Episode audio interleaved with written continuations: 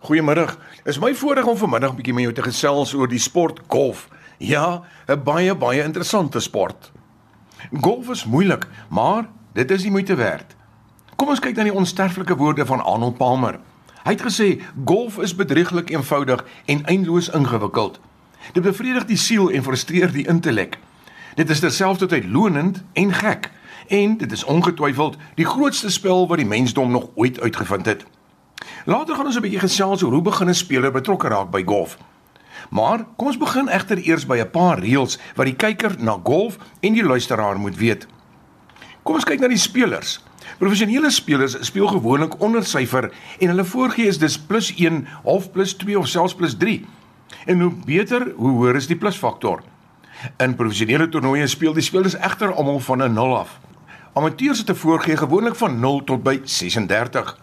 0 is uitstekend en dit raak aan die professionele groepering. Vir mans is die hoogste voorgee in die meeste lande 36 en vir die vroue 40. Hier in Suid-Afrika word die meeste toernooie egter gespeel met die mans maksimum 24 en die vrouens maksimum 36. Iemand wat 'n voorgee bo 20 het, word as 'n hoë voorgee speler beskryf.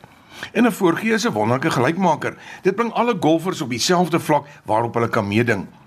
'n Persoon speel byvoorbeeld van sy 5 voorgee af teen 'n ander speler wat byvoorbeeld 'n 20 voorgee is en beide het 'n gelyke kans om dieselfde hoeveelheid punte aan te teken tydens 'n ronde golf.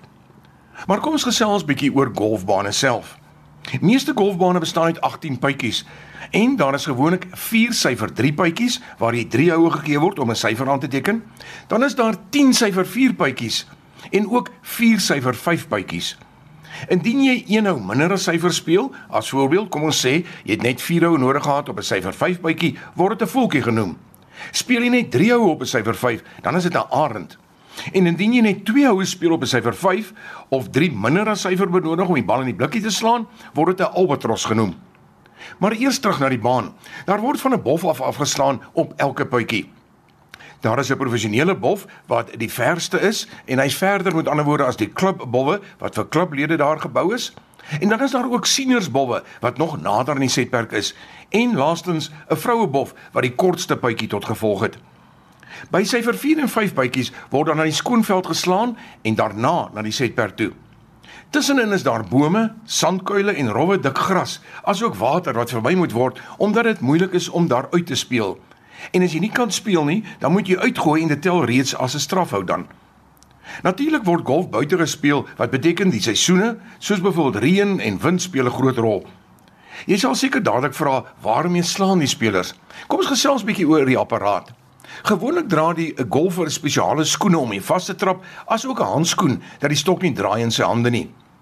Wat die stokke betref is daar baie variasies. Ons kyk egter na waaruit bestaan die meeste golfstelle. Kom ons begin by die langste hou. Dis gewoonlik van die bof af. En daar word verwys na 'n drywer wat jy gebruik. Dit is of wat die verste slaan. So in die omgewing van 220 tot 250 meter vir 'n gemiddelde speler. Dan kry mense 'n driehout waar jy so tussen 200 en 230 meter kan slaan. Daar is ook 4 en 5 houte. Hulle slaan nog 'n bietjie korter.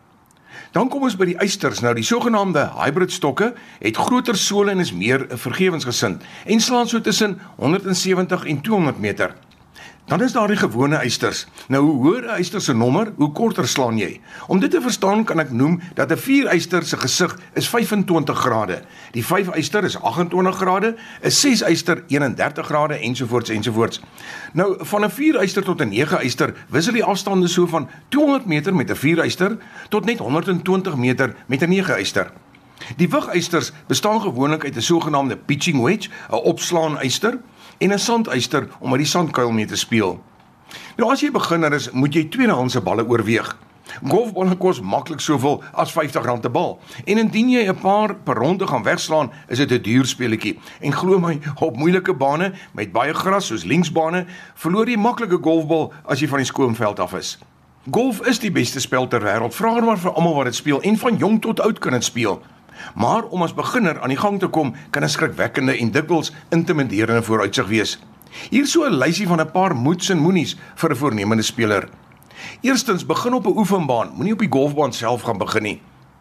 Moenie bekommerd wees oor enigiemand anders nie. Almal was eens 'n beginner. Uh, Moenie jou huweliksmaat of jou vriend of vriendin jou afrigter maak nie. Dis dikwels 'n resep vir 'n ramp wat julle dalk uitmekaar kan dryf. Ja, want dit is moeilik en dit gaan maar rof daar buite. Daar is baie aspekte om baas te raak. Kry 'n paar lesse by 'n professionele persoon, veral wanneer jy begin. Wat die aankoop van toerusting kan betref, is golf een van die duurste sportsoorte ter wêreld, maar jy hoef nie dadelik 'n fortuin te spandeer nie. Wanneer jy gereed is vir die baan, maak seker jy ken die basiese reëls en die etiket. Soos byvoorbeeld, moenie agterraak nie, bly by die spelers voor jou. Wag dat dit jou beurt is om te speel. Die speler wat die verste van die blikkie af of die vlaggie af is, speel gewoonlik eerste. En dan moet jy maar skree voor as jy die bal in ander spelers se rigting slaan as waarskuwing. Weet ook waar om te staan as ander spelers slaan. En pas die baan op.